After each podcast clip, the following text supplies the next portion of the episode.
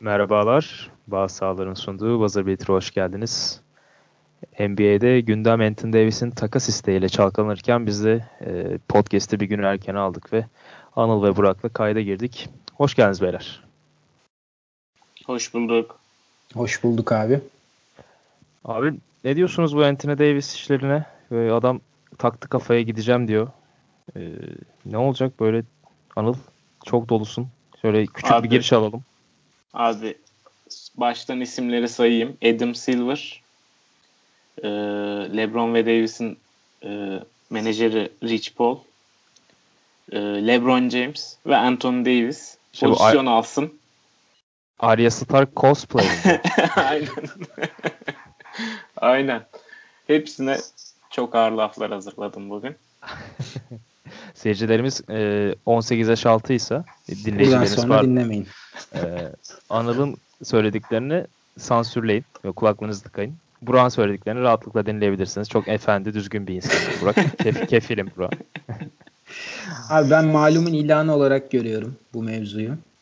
Bence Anthony Davis'in şu an bu açıklama yapması kadar da e, iyimser bir durum yok. E, nasıl bu hale geldiği belki birazcık şaibe dolu olabilir ama onun dışında bence şu an bu açıklama yapması hem New Orleans'ın elini güçlü tutmasına sebep oluyor hem de kendisinin e, istediğini almasına sebep olacak. O yüzden iki taraf için de kazançlı çıkacağını düşünüyorum bu sürecin sonunda. Yani abi şimdi hepsinden bahsedeceğiz. İkinizden de görüşlerinizi alacağım da yani bu takas eğer gerçekleşirse bence tarihin en denge değiştiren takaslarından biri olabilir yani Anthony Davis'in gideceği yere göre. Yani Karim'in Lakers'a gelişi işte bu 75'lerin 75'li yılların ardından. İşte Kevin Garnett'in Boston Celtics'e gelişi gibi. Ligde dengeleri bir anda değiş değiştirebilir Anthony Davis'in gelişi.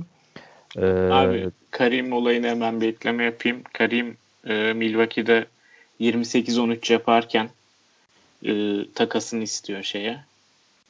Lakers'a. Zor, o da zorluyor takımını Lakers'a takas etmesi için. Ne tesadüf. Bugün de 28-13 yapan ondan sonraki ikinci oyuncu. ya senaryo belli. Senaryo çizilmiş. Her şey belli. Her şey şeyin uydu. Neyse yükselmeyeyim. Abi İll- Illuminati burada burada da Illuminati bak. Hollywood, Hollywood. Hakikaten doğru diyorsun. Ben Anıl'dan yanayım Burak bu işte. Abi işin garibi de yani şey bir ay önce falan da Elvin Gentry'i takaslamayacaklarını söylemişlerdi. İşler çok garip gelişiyor hakikaten bu Anthony Davis olayında. İşte bu sene başında da e, menajeriyle anlaşması, LeBron'un menajeriyle anlaşması, Rich Paul muydu adamın adı hatırlamıyorum tam şu anda. Evet. E, o zaman ama senle bir başlayalım abi. Giriş yapalım. E, bu Anthony Davis'in takas senaryosuna dair bir komplo teorin vardı. Onu istersen bizlerle bir paylaş ufaktan. Abi bu işin etik kısmı. Ee, yazın LeBron James'in menajeri Rich Paul, Anthony Davis'in menajeri oldu aynı zamanda. Rich Paul'un LeBron dışındaki oyuncuları biraz daha düşük kalitede oyuncular. Rich Paul adına büyük bir adımdı bu. İşte Markif ve Marcus Morris kardeşler var. Tristan Thompson, J.R. Smith de var sanırım.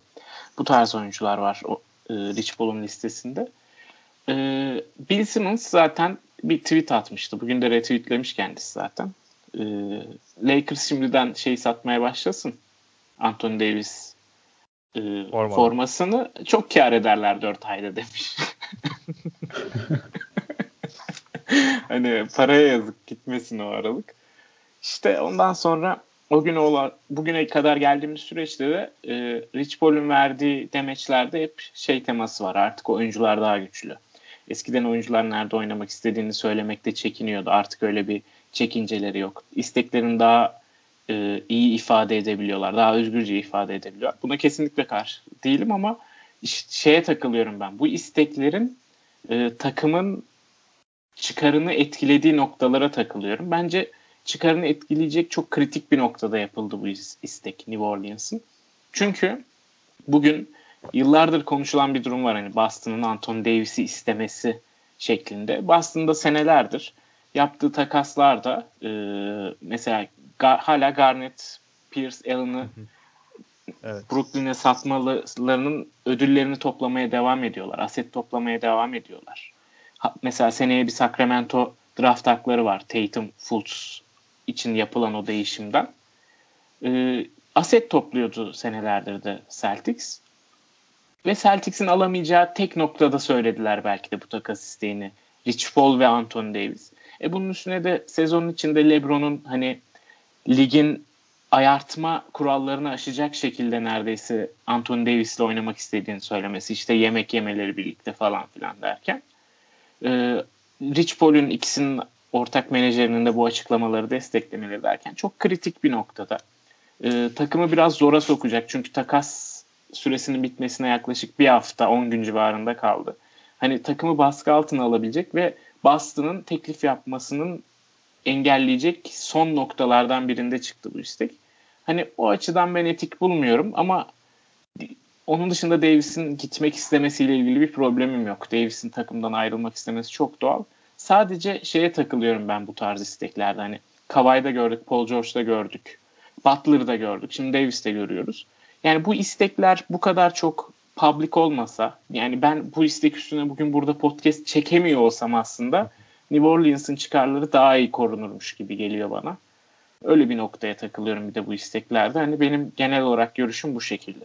Abi kesinlikle ya. Yani bu ben kesinlikle karşıyım bu olaya. E, oyuncuların takas isteğini e, menajerleri ara, aracılığıyla e, halka duyurmasına. Ya çünkü takımın elini kolunu bağlıyorsunuz. Özellikle Jim Butler'ın bu sezon sene başında yaptığı şey çok etik dışıydı bence. Anthony Davis'in ki o kadar o seviyelerde olmasa da o da e, Pelicans'ın elini kolunu biraz daha bağlar duruma geldi. Çünkü belki de pazardaki en güçlü takım Boston Celtics ve şu anda Boston Celtics'le e, takas yapamıyorlar. İsterseniz onda bir değinelim neden takas yapamadıklarına. Bu Rose Rule denilen kuraldan dolayı yani kariyerlerinin sanırım ilk 3 senesinde iki kez All-Star e, ilk All-Star mıydı? İlk kez All-Star, ilk kez All-NBA veya MVP ödülü seçilen oyuncular e, tak, Designated çay... player oluyorlar abi.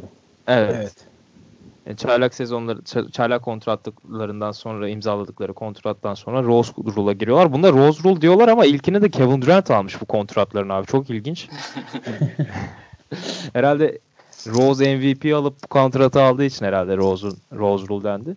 Muhtemelen. Ee, Şeydi çünkü Rose'un 2011'de MVP olurken çaylak kontratındaydı galiba. Hı hı. O yüzden ilk bu şeyi o aldığı için hani MVP alıp yapabildiği için o yüzden Rose Rule denildi galiba bu duruma. Kontratın özelliği de şey yani daha çok para talepi alabiliyorsunuz takımınızdan. Ya %70'in de %30'unu alabiliyormuşsunuz galiba cap space'in. Aynen. Ee, yani şu anda Kyrie Irving ve Anthony Davis de öyle o, e, o kontrata sahip oyuncular olduğu için e, aynı takımda bulunduramıyorsunuz. Yani tek e, şansları şu anda e, Anthony Davis takıma getirme şansları Kyrie Irving'i takasta kullanabilirler. O da hiçbir şekilde e, Boston'un yanaşmayacağı bir şey. Çünkü bir anda Terry Rozier'e kal- kalıyor e, guard rotasyonunuz. E, Burak sen neler diyeceksin abi? Var mı Anthony Davis'e dair? Abi Davis'e değil de ben biraz daha LeBron ve Rich Paul tarafına baktım işin. Şimdi şeye indim ta bu Rich Paul'la LeBron yolları nasıl kesişti falan diye. Aslında çok masum bir hikayesi var bu konuda. Havaalanında ya, değil mi? Havaalanında ta- tanışmışlar.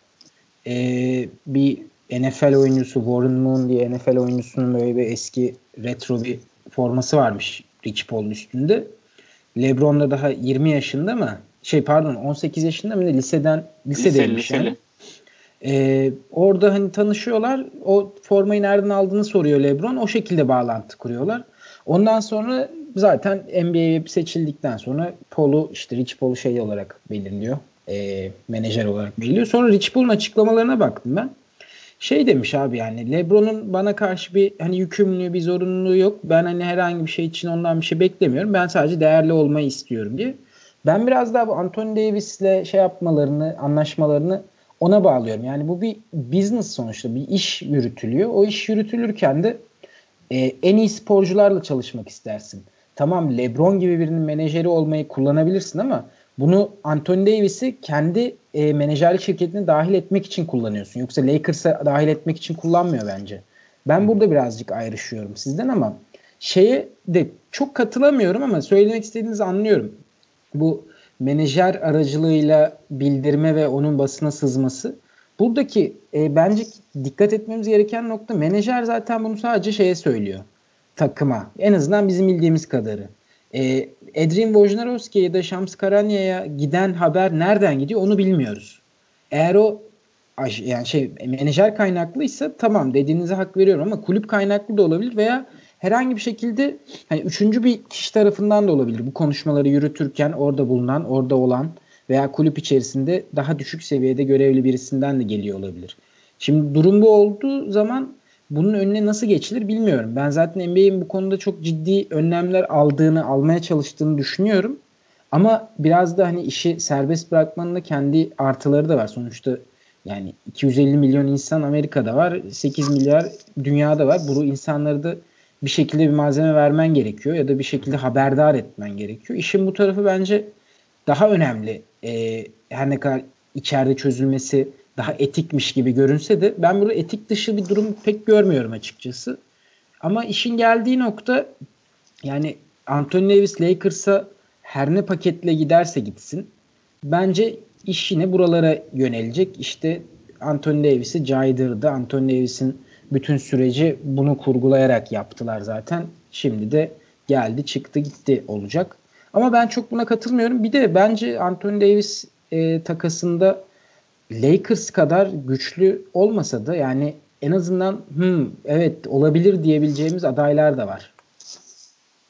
Bence de. Ben de ona gelecektim birazdan yani bu takas senaryolarını konuşurken. Buyur abi senle başlayalım istersen. Nereye gidebilir? Abi şimdi Lakers zaten hani çok standart bilinen bir şey. E, konu zaten Lakers'tan açıldı. Lakers e, genç çekirdeğini verip buradan en az 2-3 ismi, 3 isim artı bir draft piki şeklinde konuşuluyor genelde ama e, bunun hangi 3 isim olacağını gün zaman gösterecek. Böyle bir paketle gidebilir deniyor. Burada Lakers'ın e, hangi üçlüyü verip vermeyeceğini konuşmamız daha doğru olur bence. Ya da siz ne düşünürsünüz? Ben burada LeBron Davis özelinde mesela yanlarında Hart Kuzma gibi bir çekirdeğin daha iyi olacağını düşünüyorum. Lonzo Ingram'ın ve Zubac'ın gönderilip yanına da bir pikle birlikte Davis'in alınmasını daha olası görüyorum. Siz ne düşünüyorsunuz mesela?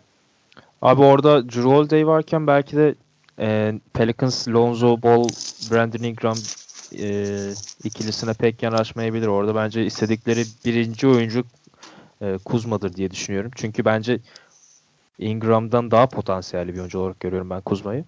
E, ama dediğin gibi yani her şey olabilir. Benim aslında e, yani şu anda en en favori aday Lakers gibi gözükse de ya takastan e, Anthony Davis için bambaşka bir takım da konuşuyor olabiliriz yani bir hafta içerisinde. Bir bakarsın belki de takas bile yapmayabilir yani Pelicans. E, sezonun bitmesini de bekleyebilir Boston'la e, anlaşmak için. E, ama bence bir takastan Portland sürpriz yumurtası çıkabilir. Bunu takas sonuçlarına kadar söyleyeceğim. E, hmm. Portland Trail Blazers'a e, çok yakıştırıyorum Anthony Davis'i. Anıl ne der acaba senin bu Lonzo Ball Ingram teklifin için? Abi yeterli değil diyorum ben ya. Nasıl yani? yani? Hani muhtemelen hani Boston tamam şu an alamıyor ama Danny Ainge potansiyel bir teklifi muhtemelen Pacers aman New Orleans GM'inin cebine iliştirmiştir bile. Abi masada e, bir şekilde yani Danny Ainge oraya ajanlarını, kuşlarını, muşlarını yollamıştır ve masaya bir şekilde Jason Tatum'ı sokmuştur bence. Ve Jason Tatum masadayken e, bu, bu diğer oyuncuların hiçbirinin e, ismi çok fazla okunmaz diye düşünüyorum. Yani yazı bekleyebilir New Orleans. E, her ne kadar Anthony Davis sakatlıktan döndükten sonra tribünler tarafından çok fazla ıslıklanacak olsa da bunu göze alabilirler diye düşünüyorum. E, yani masada Tatum varsa yani diğerlerinin çok suratına bakacaklarını düşünmüyorum açıkçası abi. Abi ben farklı bir ismi gündeme getireyim. Hani ilk söylediğimde ne alaka olacak ama Zion Williamson. Belki de Davis'ten sonra hani en çok hype'la gelen oyuncu herhalde lige. Hatta. LeBron seviyesinde bir hype'la geliyor şu an. Evet. Ee, şimdi mesela konuşmadığımız takımlardan biri New York. New York'un sezon sonunda elinde bir pik olacak. Bu pik Zion Williamson olabilir. Celtics'in elinde bir pik olacak. Ee, Sacramento'dan gelecek olan. Düşük bir ihtimal ama yine ilk üçte, ilk dörtte olabilir. Ki Sacramento pikinin sanırım ilk dörtte olma ihtimali Sacramento eğer playoff dışı kalırsa %35'ler %37'ler civarıymış. E, o yüzden hani Zion olmasa R.J. Barrett var. Bence hani bu bahsi geçen iki takım New York ve e, Boston'da bu kadar iki değerli olabilecek pik varken en güzeli yazı beklemeleri. Evet. Ee, ama şimdiden Boston'a da nasıl güvenebilirsiniz? Yani biz size Tatum artı, pik artı işte Horford, Hayward ikisinden biri vereceğiz deyip yaz geldiğinde tekliflerini de düşürebilirler. Çünkü en iyi paket onlarda şu an. Hani Abi bir de şey, şey Ingram, Wall falan değerleri de düşüyor. Hani bu yıl değerleri düştü resmen adamların LeBron geldikten sonra. Çünkü hani LeBron'suz yaptıkları ortada. Abi yüzden- şey şey de olabilir Anıl bak e, hadi yazı, yaza kadar bekle diyelim Pelicans. E, deneyen şey de diyebilir. E, yaza kadar beklediniz madem bizle yapacaksınız takas abi. Al sana Jalen Brown. Da diyebilir Heh, aynen. yani. Aynen. Abi ben Aynen. Jason Tatum'un Boston'dan gönderilmesini pek olası görmüyorum ya.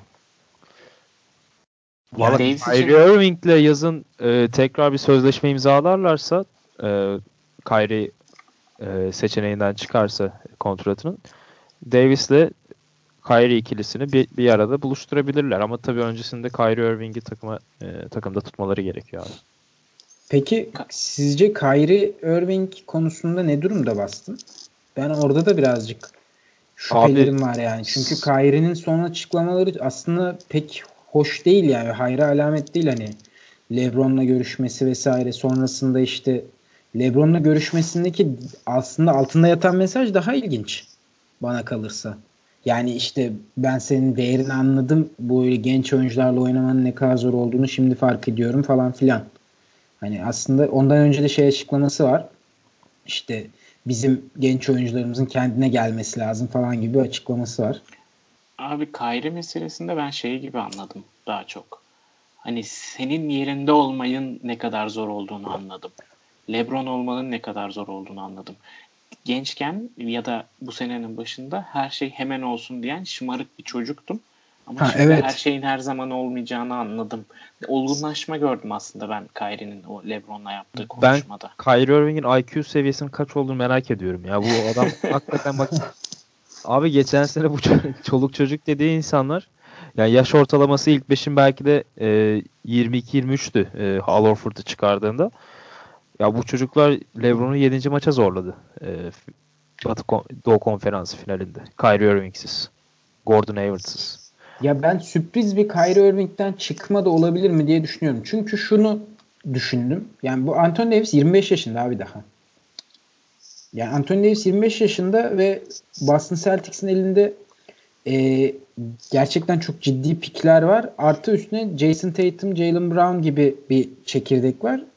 Bunların yanında Anthony Davis düşünülebilir diye düşünüyorum. Yani ben Kyrie'nin Boston'da devam etmeme ihtimalini geçmişe oranla yani son 2-3 aya göre biraz daha yukarıda görüyorum. Yani bu ihtimal bence biraz arttı. Acaba ya Danny problem şu. Danny bu kadar cesur ve bu kadar bir anda e, ipleri koparacak bir adam değil. Yani bunu bence Davis alacaksa da yazı bekleyecek.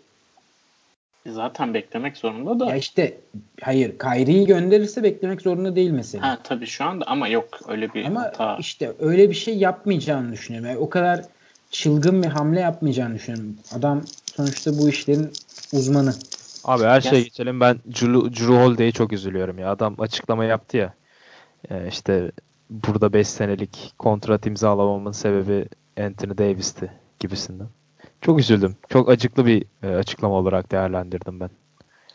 Bu Abi üzüldüm üzüldüm ama yani kendi düşen ağlamaz. Yani Anthony Davis ben asla takasını istemeyeceğim mi demiş Holiday'e. Yani ben Curu'nunki biraz boş laf ya.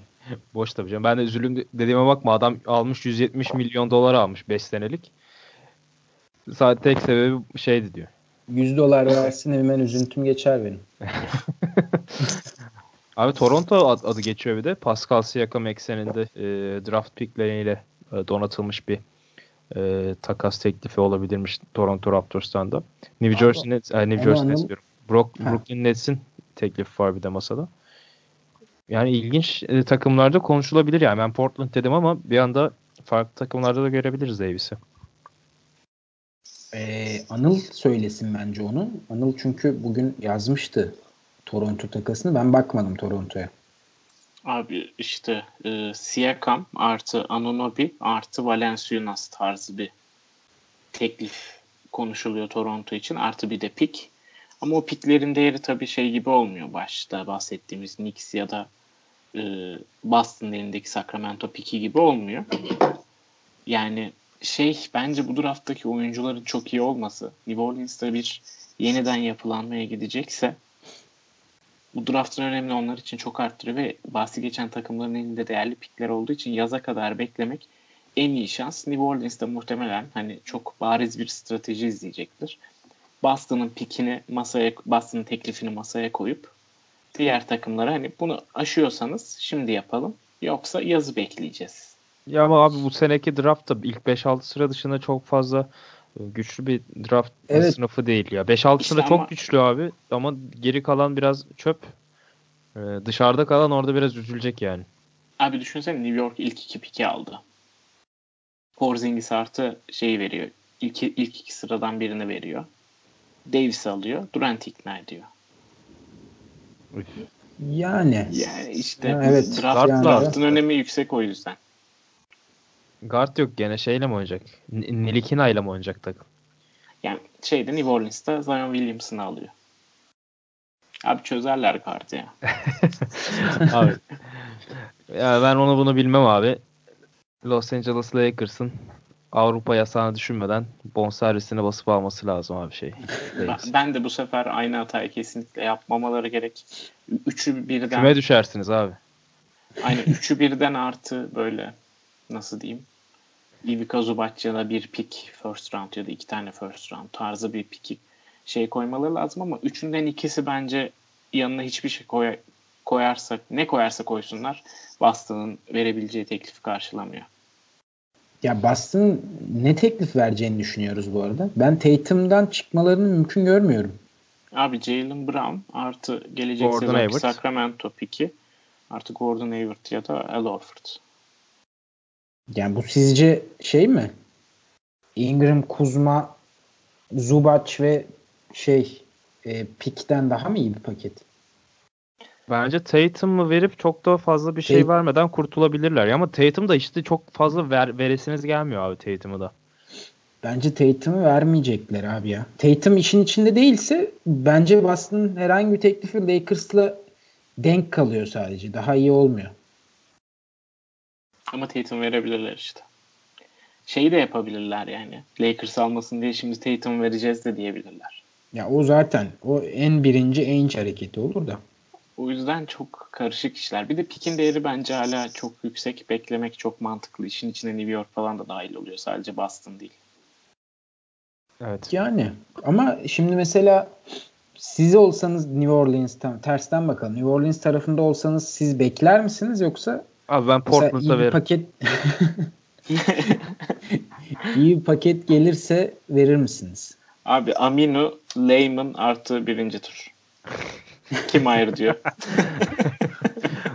abi bu takım daha ne kadar yeniden yapılanacak gözünüzü seveyim ya. Al abi Yusuf Nurkic, CJ McCollum, Zach Lavins, Arda iki tane de draft pick al. Bak abi yolun bak bu sene dra- şey playoff bile yapar bu takım. Bak sana söyleyeyim. Drew Holiday, CJ McCollum inanılmaz bir guard ikilisi abi. Abi şey bilgisini de verelim mi New Orleans tarafından bakıyorsak. E, hafta sonu Randall, Mirotic ve Ituan Moore'u da pikler, pik karşılığı takası açmışlar. Hı hı. E, görüşmeler yapmışlar birkaç takımla. Şey diyorlar e, aslında bu oyuncular hani rebuilding başlatmak için değil bu pikleri bir yıldız oyuncu getirmek için takıma. Hani Davis'i belki kalmaya ikna etmek için mi artık? Yani çok geç ama öyle evet. bir senaryo da var. Yani her şey çok karışık. Bence buradan geri dönüş yok da şey açısından, Davis açısından. Yani o, o iş bitti bence. Ama kendi e, iyilikleri için bence artık bir hamle yapma zamanı geldi ama onda da Davis'i kaybediyorsun. O yüzden New Orleans camiasına teşekkür ediyoruz ve kulübü Seattle'a taşıyalım biz direkt. Böyle şeyler de var zaten ya. Şu an zar zor e, seyirci doluluk oranını Hı-hı. şey yapıyormuş New Orleans. Ee, Abi, abi bir de Mirotic'le Markel Fultz takası gördüm ben bugün. Kafa kafaya geliyormuş. Bu yeniden yapılanmaya giderlerse Markel Fultz hamlesi de gelebilir yani şeyden. Aman abi Anıl duymasın. Abi hemen Twitter'a Mirotic, Markel? Fultz yazıp yazılan her şeyi Sever tam tersi. çok severim. Markel Fultz'u. Ciddi anlamda. Ya Ki Indiana, e, Philadelphia'da seviye atlatabilir yani Mirotic. Aradıkları parça olabilir. Yani o uzun at, şut atan uzun kimdi? Muskala mıydı? Muscala vardı işte geçen sene Ersan'ın yarattığı etkiyi biliyoruz. Fazlasını da yaratır Mirotic. Evet. Abi o zaman e, Tim Davis'i yeterince konuştuk. Ye- yeterli e, komplo teorilerini ve takas senaryolarını inceledik. Abi Evet, son bir şeyde abi. bulunabilir miyim? Ee, itira- itiraz değil de hani. Abi Adam Silver Butler olayında çıktı. Dedi ki oyuncuların kontratlarını onurlandırmasını bekliyoruz dedi. Sonra LeBron neredeyse Davis'le ilgili konuşurken tempering'den ceza yiyordu. Bana çok şey geliyor ya bunlar. Çok sözlü açıklamalar. Ortamın gazını almak için yapılmış açıklamalar gibi geliyor işte hani. Nasıl abi diyeyim böyle? David Stern olsa böyle olur muydu Anıl? Ya işte Özlüyoruz abi. Stern babayı özlüyorum ben. ben de özlüyorum. Çok daha katıydı. Nerede 60-70 maçlık cezalar o? Ron, Ron Artest mi yemişti? 70 maç ceza yemişti adam. Donates shutdown edilmişti. David Stern tarafından. Bir, bir de çok da komik bir olayı da bahsedeyim. Abi Butler takasında Butler şu meşhur antrenmandan sonra işte GM'e, Carl Anthony Towns'a, Tips'e, Wiggins'e sövdüğü antrenmandan sonra çıktı Rachel Nichols'la röportaj yaptı. Rachel Nichols diyor ki biliyorum diyor sen e, public bir şekilde takas istediğini söyleyemiyorsun ama böyle bir durum olabilir var mı diyor. İşte Butler da kıvranıyordu. Olabilirlerdi işte. Zaten beni herkes tanır da bilir de. Ne hayır diyemiyor istediği için doğal olarak. Ama public bir şekilde söylememesinin ne olayı var ki abi? Bunu da anlaşmaya koymuşlar son CBA'ye. Oyuncu public şekilde takas Hı hı. istediğini söyleyemez diye. Hiçbir geçerliliği olmayan oraya laf diye koyulmuş. Niye koydunuz o zaman bunu yani? Ya abi bu şey oyuncunun elini direkt hani güçlendiren bir şey olmasın diye. Biraz daha bu işler profesyonel şekilde yönlensin diye. Bence mantıklı bir hareket de şey değil. İş ayyuka çıktıktan sonra bence Rachel Nichols'ın böyle bir soru sorması daha saçma. Ya abi her şey ortada zaten. Gidip de takas olmayı mı düşünüyorsun? Bu konu hakkında ne düşünüyorsun demek daha garip bir hareket bence. Ya o Abi soru o da- sorulsun diye yapılmış bir röportajdı bence. Aynen rating peşinde o da. Herkes ekmeğinin peşinde. Ya herkes Lakers'a gitmek peşinde isteyen hakikaten. Rich Paul'la anlaşıyor. Öyle, öyle bir düzen. Abi neyse. Pa- Pacers'a geçelim mi biz? Orada da işler karışık. Oladipo iptal oldu maalesef. Abi Oladipo hakikaten yani bu sene en çok üzüldüğüm sakatlık oldu herhalde Oladipo'nun sakatlığı ve öyle normal bir sakatlık da değil. Adam bildiğin quadriceps e, tendonunu artık kas kas galiba benim bildiğim quadriceps ama onu bağlayan tendonları ko- koparmış ve Hı hı. çok çok ciddi bir sakatlık abi. E, yani geçen sene Kawhi Leonard'ın oradaki ağrılarından dolayı bütün sene oynamadığını biliyoruz quadriceps sakatlığından dolayı ve Victor Oladipo oradaki tendonlarını direkt kopardı. Ee, aslında bu ilk sakatlığı da değil yani bu sene. Bir 11 maçlık bir sakatlık süreci daha yaşamıştı yani Indiana Pacers'ta ama o Indiana Pacers orada 7-4'lük bir galibiyet serisiyle e, gayet iyi atlatmıştı oraya ama bu sakatlıktan sonra biraz morallerin ve takımdaki inancın biraz düştüğünü görüyoruz ilk maç ilk iki maçı itibariyle. Önce Memphis'e yenildiler. Yani ligin en kötü takımlarından birinin Memphis'e yenildiler. Ee, önceki akşamda Golden State'de çok e, rezil oldular. Yani sahada duramadılar. İlk ilk yarı ilk çeyrekten 40 sayı yiyip e, yenildiler. Ya ben biraz bunu şeye benzetiyorum. Bu 2012'deki Rose'un, Derrick Rose'un ilk sakatlığında Chicago'nun e, ne hale geldiğinde e, bahs- benzetiyorum biraz. Çünkü 2012'de de e, Chicago Bulls çok iyi bir savunma takımıydı. O takımın birinci skor opsiyonu ve hücum opsiyonu Derrick Rose'du. E, iki senedir ve o sakatlandıktan sonra Doğu'yu birinci sırada tamamlayan takım 8. sıradaki e, Philadelphia'ya e, elenmişti lockout sezonunda. Yani şimdi Indiana Pacers'ta böyle çok iyi bir savunma takımı olup e, takıma birinci skor opsiyonu olan Victor Oladipo'yu kaybedince bir oradaki bir e, kimya biraz değişecek. Yani bu büyük sakatlık yaşayan takımlarda zaten oluyor bu. İlk 5-10 maçlık e, bir yalpalama süreci. Bu Golden State'te de olmuştu. Kevin Durant'in geldiği ilk sezon bir e, bir iki ay kaçırmıştı ilk sezonun ikinci yarısında Durant ve e, çok yalpalamıştı Golden State. Yani Indiana Pacers'tan da böyle bir yalpalama göreceğiz ama yani işte Nate McMillan için büyük bir şans artık yani. Hala Nate McMillan'ın kötü koç olduğunu düşünenler var ve e, ben artık iyi koçum e, deme şansı doğdu koç adam. Yani takımın ilk 5-6 sıra içinde tutabilirse e, gayet iyi iş çıkarmış olacak. E, Burak sen ne vereceksin abi Oladipo'nun sakatlığı ile ilgili?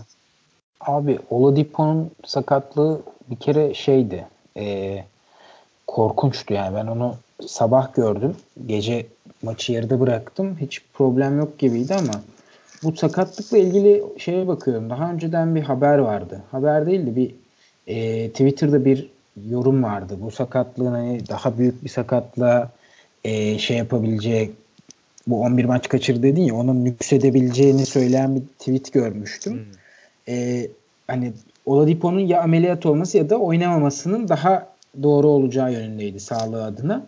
Şimdi e, iş işten geçtikten sonra tabii biraz daha keşke yapmasaydı demek kolay ama şimdi benim tek avantajım bu durumla ilgili bu darbeye bağlı bir sakatlık olmadığı için e, biraz daha böyle acaba hani problem e, bir anda mı nüksetti dedirtti. Yani bu problem aslında onunla bağlantılı değildi de şimdi hani başka bir problem mi çıktı diye düşündüm. Ama gelen raporlar ve söylenenler önceki sakatlığın bir artçısı olduğu yönde ve 13 ay gibi bir süreden bahsediliyor ama ne kadar doğru bilmiyorum. Çok detay bakmadım ona. Anıl daha iyi biliyor bu konuları. Ben hani Orlando'nun bundan sonra nasıl pardon Orlando diyorum. Indiana'nın bundan sonra nasıl bir e, şekil alacağını konuşayım istedim. Şimdi baktığımızda hani zaten Tyreek Evans'ın Oladipo'nun rolünü hafifletmesi ve Corey Joseph'in de Oladipo'nun rolünü hafifletmesi ve oyun kurucu görevlerini üstlenmesi bekleniyordu, isteniyordu. Ancak hani özellikle Tyreek Evans bu sene skandal bir oyun oynadı. E, skandal oyununu hiçbir zaman hani Oladipo'nun 11 maçlık serisinde kaçırdığı seride de zaten ortaya pek bir şey koyamadı. Daha sonrasında da pek bir şey oynamadı. Pek bir şey e, vaat etmedi bize. Burada sanki Darren Collison biraz daha ön plana çıktı ve Darren Collison e, son e, 4-5 maçtır yaklaşık 7-8 asist civarında bir ortalaması var ve e, toplar tamamen Collison üzerinden e, yönlenmeye başladı. Hal böyle olunca aslında top yönlendirmede problem yaşamayan bir takım halinde e, devam etti Indiana ancak skor üretmekte zorluk çektiklerini söyleyebilirim ben. Bunun da en önemli sebebini ben Oladipo'nun yokluğunda bu takımın e, primer bir yaratıcı oyuncusunun yani primer bir kendi şutunu yaratan oyuncusunun olmaması olarak düşünüyorum. Ha Oladipo çok mu iyi bir dağıtıcıydı? Değildi ama en azından takım sıkıntıya girdiği, sıkıştığı zaman da Oladipo NBA'deki en önemli kilit açıcılardan biriydi. E, durum Oladipo'suz oynamak olduğu zaman da bu konuda problem yaşıyor Indiana ve birçok maçta ben son iki maçı izledim. Golden State değil de diğer iki maçı izledim. Toronto ve Memphis maçlarını. Orada özellikle bu sorun dikkat çekti. Toronto'yu yendiler ama e, Oladipo'nun yokluğu hissedildi çünkü takım çok sallantıda oynadı o maçı. Son çeyreklerde son 3. çeyrek ve 4. çeyrekte özellikle çok ikilemde kaldılar karar anlarında. Benim buradaki problemim Indiana'nın e, bunu ilk tur playoff'a kalacağı yönünde ama ilk tur gibi bir e, beklenmedik bir yerde erken bir eleniş gösterebileceğini düşünüyorum ben. Bunun da tek sebebini Oladipo gibi bir e, carry oyuncunun olmaması olarak düşünüyorum. Abi zaten çok doğru dedin yani kilit çözücü oyuncu zaten Oladipo'nun e, clutch istatistikleri ligde 3. yani ligde clutch anlarda en çok skor üreten 3. oyuncu ligdeki. E, ve bayağı underrated bir buzzer beater'cı yani Victor Oladipo. Çok e, Orlando günlerinden zaten biliyoruz bu Oklahoma'ya attığı iki tane üst üste e, clutch şut vardı hatırladığım kadarıyla bu Westbrook'un saçma sapan e, orta sahadan bitirdiği maçta. E, yani çok özel bir oyuncu kay- kaybettik. Ben hatta yani çok da rahat dönebileceğini de düşünmüyorum. Ya bu quadriceps koparma olayını ben ilk defa gördüm. Belki daha önce yaşanmıştır bilmiyorum ama ya bu çapraz bağ koparma gibi bir şey de değil. Yani bu bildiğin ne deniyor burası? Uyluk mu? Uyluk kemiği mi diyorlar bu? E, bal, baldırdan dize kadar olan bölgeye. oradaki şey kopuyor. Yani bu vücudun en büyük kas gruplarından biri. Yani çok e, üzüldüm açıkçası bu sakatlığı öğrendiğimde. Bir de ya Oladipo'nun hikayesi de çok e, mutlu ediyordu insanları. Anıl sen ne diyeceksin abi? Abi e, Oladipo'nun hikayesinden ben de ne kadar mutlu olduğumu söyleyerek başlayayım. Hani bu sakatlık dışında hani çıkışını çok takdir ediyordum.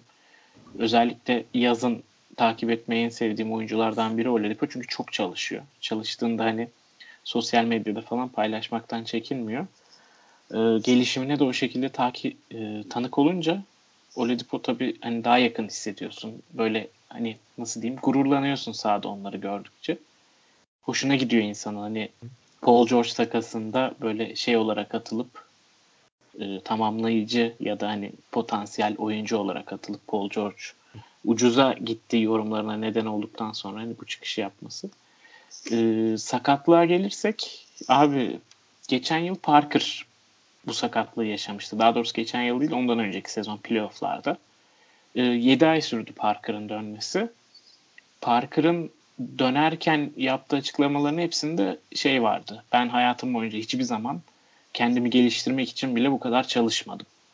Bu sakatlığı atlatabilmek için çok çalıştı Parker. Geçen yıl döndüğünde de Parker iyiydi sahada. Çabukluğunu 35 yaşında olmasına rağmen inanılmaz kaybetmemişti.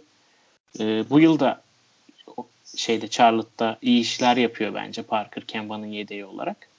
Ee, 35 yaşında olduğunu tekrar hatırlatalım Parker'ın. Oladipo henüz 25-26 yaşında sanırım. Hani toparlamaya da müsait bir yaşta bu sakatlıktan. Çok çalışkan olduğunu da biliyoruz. Yani eskiden çalışkan değildi ama şimdi e, beslenmesini, uyumasını, çalışmasını her şeyin değiştirdiğini biliyoruz. Döner bu sakatlıktan. Ama tabii Pacers'ın sezonu e, ilk turda elenme ya da playoff dışı kalma yoluna gidiyor bence. Çünkü Oladipo ilk sakatlığında işte sizin bahsettiğiniz sakatlıkta hani döneceği belliyken takımın playoff yarışında tutunmak için tepki koymasıyla şimdi Oladipo gittikten sonra 7 ay, 8 ay, 9 ay gelecek sezonun başına kadar oynamayacağı bir sürede takımın tünelin işin e, ucunda ışık yokken ortaya koyacakları çok farklı. E, psikolojisini çok derinden etkiliyor bir kere takımın. O yüzden hani Indiana'nın bu sezonki geleceği çok aydınlık değil. Yani evet e, orada ilk 5'e yerleştirdikleri Tyreek Evans'tan da verim alamadılar. Yani son maçta da e, neydi çocuğun adı ya? E, Sam, Sumner mıydı? Ed, Edmund Sumner aynen. Sumner, Edmund Sumner oynadı işte. Şey. E, yani o da çok vasat bir görüntü sergiledi. Yani çok yüzdesi oynadı. 8'de 1 mi ne attı e, saha içinden. Orada en büyük e, çıkışı biraz Holiday'lerin en küçüğü e, güzel bir çıkış yaptı. Oladipo'nun sakatlığından sonra süreleri arttı onun da ve e, son maçta yüzdeli üçlük attı ve biraz daha top kullanan bir oyuncu izledik. Aaron Holiday'den. Yani üzücü bir Indiana e, Pacers sezonu olacak bu sene ama bir şekilde playoff yapacaklardı. Yani sonuçta e, kimlikli bir sav- savunma takım, takımı. Potu altında e, Teddy Young ve Miles Turner gibi iki tane çok iyi savunucuları var. E, Penetre'de işte Corey Joseph gibi e, savunucuları var. Darren Collison'da falan hiç fena olmayan bir savunmacı aslında.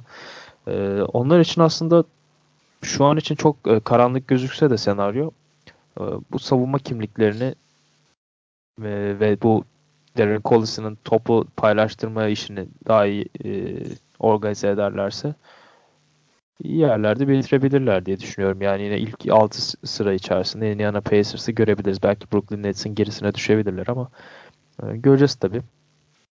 Ee, ilk 6 bence yani yeterli ve iyi bir şey olur onlar için ama playoff dışında kalmalarını pek mümkün görmüyorum ben. Çünkü bu kadronun en büyük avantajı e, birlikte oynayabilen ve birlikte e, bit, yani Oladipo'ya çok bağlı kalmadan da maç kazanabilen bir yapıda olmaları. Oladipo'nun varlığı onları bir üst seviyeye çıkarıyordu. O üst seviyede de işte e, LeBron'la olan serilerini 7. maça götürebiliyorlardı. Ya da ne bileyim e, her maçta hani maçın içinde kalarak rahatlıkla herhangi bir rakibe karşı kafa tutabiliyorlardı ama Oladipo'nun yokluğu en çok burada problem yaşatacak bence de. Aynen öyle abi yani. Ee, savunmalarından yine Oladipo da çok özel bir savunmacı. Hakikaten çok iyi bir savunmacı. E, ama onu savunmada çok aramayacaklar dediğin gibi hücumda çok arayacaklar diyorum. E, ve ekleyeceğiniz bir şey yoksa isterseniz Charlotte Hornets'e geçelim abi. Abi umarım buradan e, Aaron Holiday'e süre vermiş ve onu kazanmış olarak çıkarlar da bu sakatlığın hani Indiana'ya hayırlı bir tarafı da olmuş olur.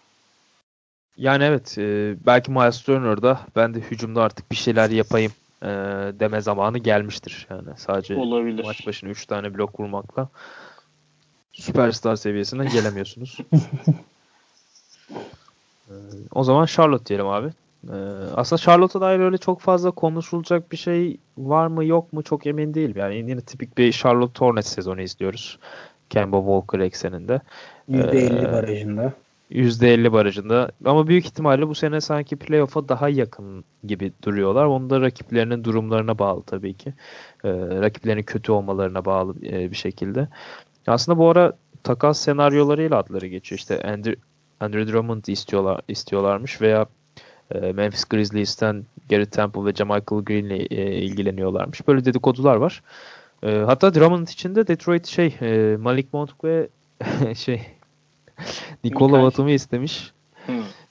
Ee, ya ona çok güldüm. Yani hali hazırda elinde Blake Griffin kontratı varken Nikola Batum'un kontratına girmek e, Detroit için ne kadar mantıklı abi. E, bir, Battı balık bir, yan gider herhalde. Herhalde abi yani saçma geldi bana açıkçası. E, Charlotte Hornets'in e, değerlendirmelerinizi alayım abi. Yani özellikle Kemba Walker'ın bu takımın seviyesini ne kadar yukarı çıkarabileceğine dair. Onu senle başlayalım istersen.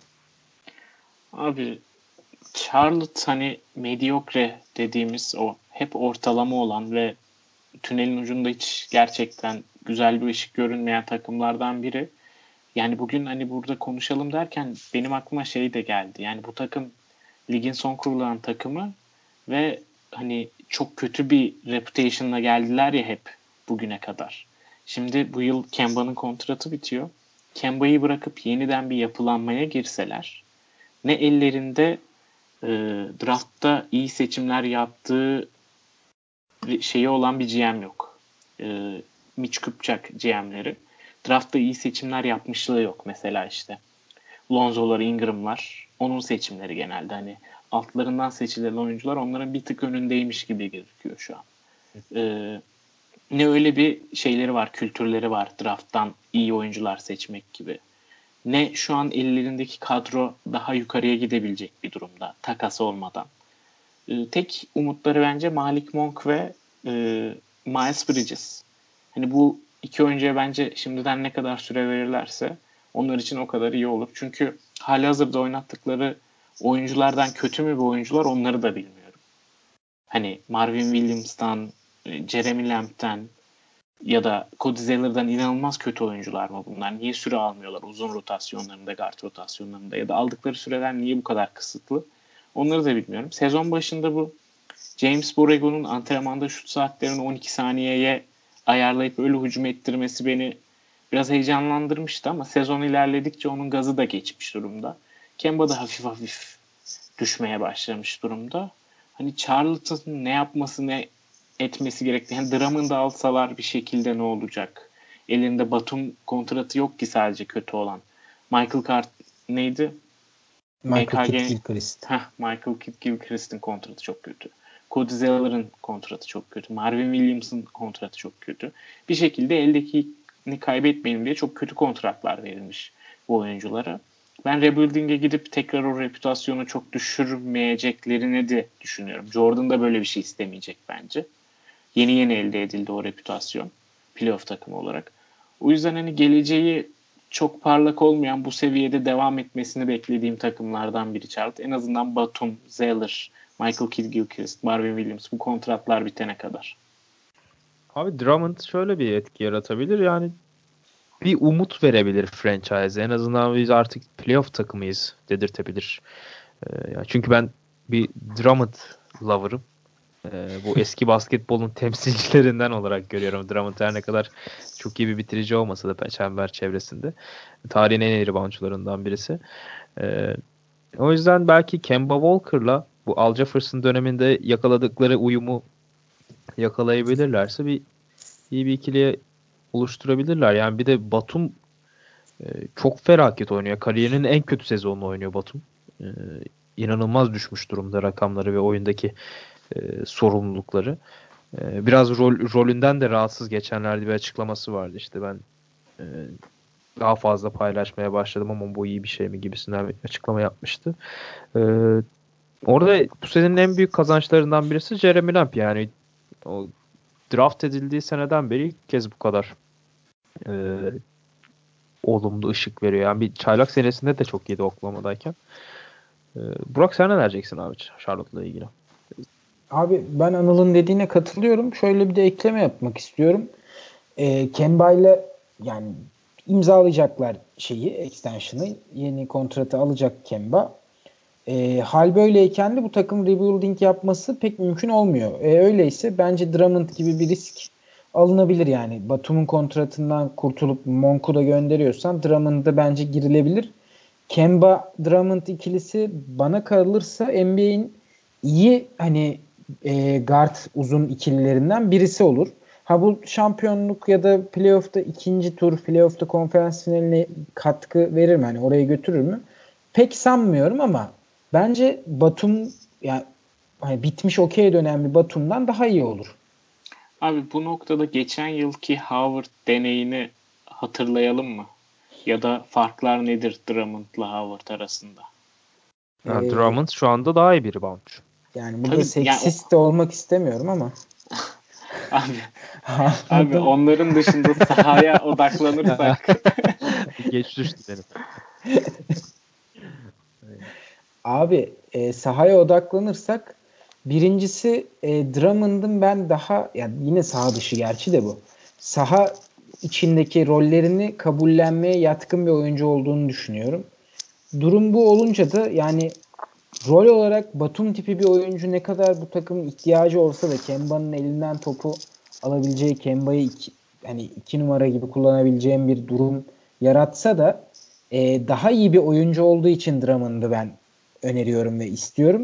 Tek sebebi bu. Yoksa dediğin gibi Howard'la Drummond arasında çok öyle fundamental farklar görünmüyor ama biraz daha Drummond rolünü daha iyi bence kavrayabilecek bir oyuncu ve e tabi biraz daha genç olduğu için Howard'a göre bence takaslanabilir de bir e, değer olarak görüyorum ben. Abi bir de Batum'un şöyle bir defekti var ya abi Do- Batum 9 sayı 3 rebound ortalamalarıyla oynuyor. Öyle eski 15 sayı 5-6 asist yapan Batum da yok. Öyle Kemba Walker'ı 2 numarada da kullanamıyorsunuz. Ee, o yüzden bütün toplar Kemba'nın elinde birikmiş durumda. Bu da Kemba Walker'da e, son zamanlarda gördüğümüz gibi yorgunluğa da yol açıyor. Son iki maçta 10-15 sayı civarlarında e, sayılar attı Kemba Walker ve e, Drummond'ı da şey görmedik yani. İyi bir point guardla oynarken görmedik şu ana kadar kariyerinde. Bir ara kim vardı işte Detroit Pistons gardı olarak? Bu yıl Brandon... Calderon var. Point guardla oynarken gördük mü ya? Abi işte şey vardı. E, Brandon Knight, Brandon Jennings vardı işte. Ha, Brandon Abi, Jennings vardı. O kanser oynadığı... kadro Greg Monroe, Andrew Drummond, Josh Smith.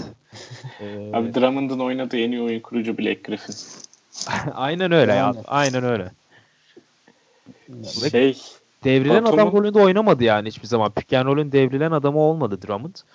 Ee, hep kendi sayısını kendisi çıkarmaya çalıştı bir şekilde reboundlarla. Ee, o yüzden belki Kemba Walker'la belki farklı da bir içinden bir Clint Capela da çıkabilir yani Drummond. İşte bence beceremiyorlar. Bu Howard, Drummond, o ekip e, rim runner dediğimiz o pikten sonra potaya atak yapma işini biraz da yani Capella mesela çok elit bir rim runner. Capella'nın fiziği bu oyuncular gibi kalın değil. Beli dönüyor. Evet, daha hareketli. değil bu Drummond'la Howard o açıdan. Aynen bu oyuncular hem pota çevresinde o kadar iyi bir bitirici değil hem de potaya hızla atak edip atak edip oyun kurucudan aldığı pası bitirecek şeyde de değiller, yetenekte de değiller. Batum'un rolüyle de ilgili şöyle abi. E, Charlotte'ın ilk beşinde iyi savunmacı diyebileceğiniz bir oyuncu var mı? Kip Gilchrist. Vardı işte. O ilk beşten çıkınca Batum mecburen savunmada hep rakibin e, en iyi oyuncusunu savunmak zorunda kalıyor. Enerjisinin büyük bir kısmı bu yıl o noktada. Öyle olunca hücum sorumlulukları da biraz Lembe devredilmiş durumda. Bunun biraz değiştiğine dair e, birkaç maçta emare gördüm ama şey gibi bu. daha çok. Deneme yanılma yöntemiyle şu an hani nasıl bir adım yukarı çıkar bu takım. O, onun gibi ama yani Monk ve Bridges oynatsınlar yani. Daha iyi bir çıkış yolları yok. Abi peki şey sorsam size. Ee, hadi diyelim Hornets front ofisi Garrett Temple ve Andre Drummond'ı bir şekilde kadroya kattı. Ee, Malik Monk e, Nikola Batum'u. İşte bir tane draft pick yolladı ne bileyim. Hadi Michael Bridges'i de yollamış olsun. Ya bu takım bir üst düzey bir Doğu Konferans takımı olabilir mi o zaman?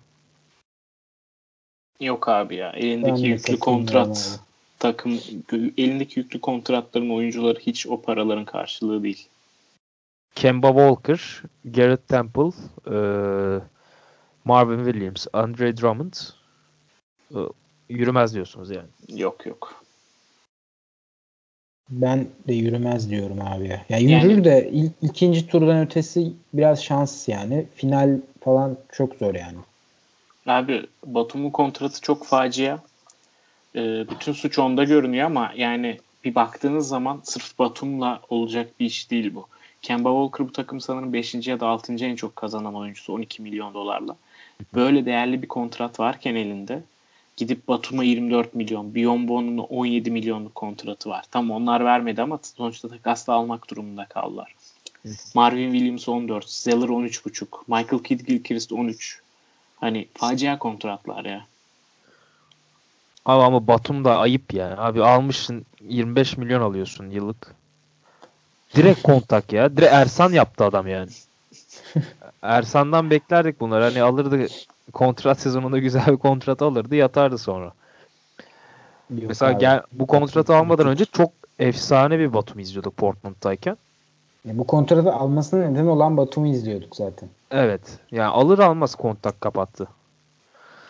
Abi ben bir de bu kontratlara böyle sadece bu açıdan yaklaşınca şeyi de görüyorum. Bu takımın hiç rebuilding'e niyeti olmadığını bir süre playoff kovalayan takım hani o lotarya takımı imajından çıkıp mediocre'liğe okey olduğunu görebiliyorum ben ya bu kontratları verişlerinde. Abi Michael Jordan diyormuş ya playoff yapar yap, nasıl yapıyorsanız yapın playoff yapın diyormuş işte. Hmm. Yani işte. Bir şekilde yapacaklar herhalde. Washington da çok benzer bir örnek mesela. Onlar da aynı şekilde düşünüyor.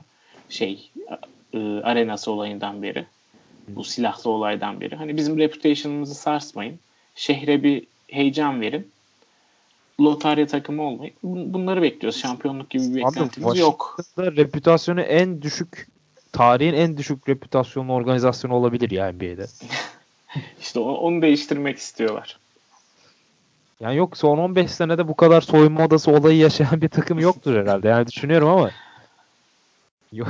yani Gelmedi hakikaten abi. yok gibi ya. Şey adamlarda yakında neler neler. E, Dwight Howard da yine Washington soyunma odasında olması da başka yerlerde olmuş bir şeyler. E işte ama o bu sene patladı o olayda zaten. İşte hani yıllardır Dwight şey Washington'da böyle ilginç olaylar gerçekleşiyor. Bu kulübün... Olayı da söyle istersen Burak. Dilim var mı yok anlamadım. Niye Abi boş ver ya söylemeyelim yani şimdi adımız seksist olarak çıkmasın.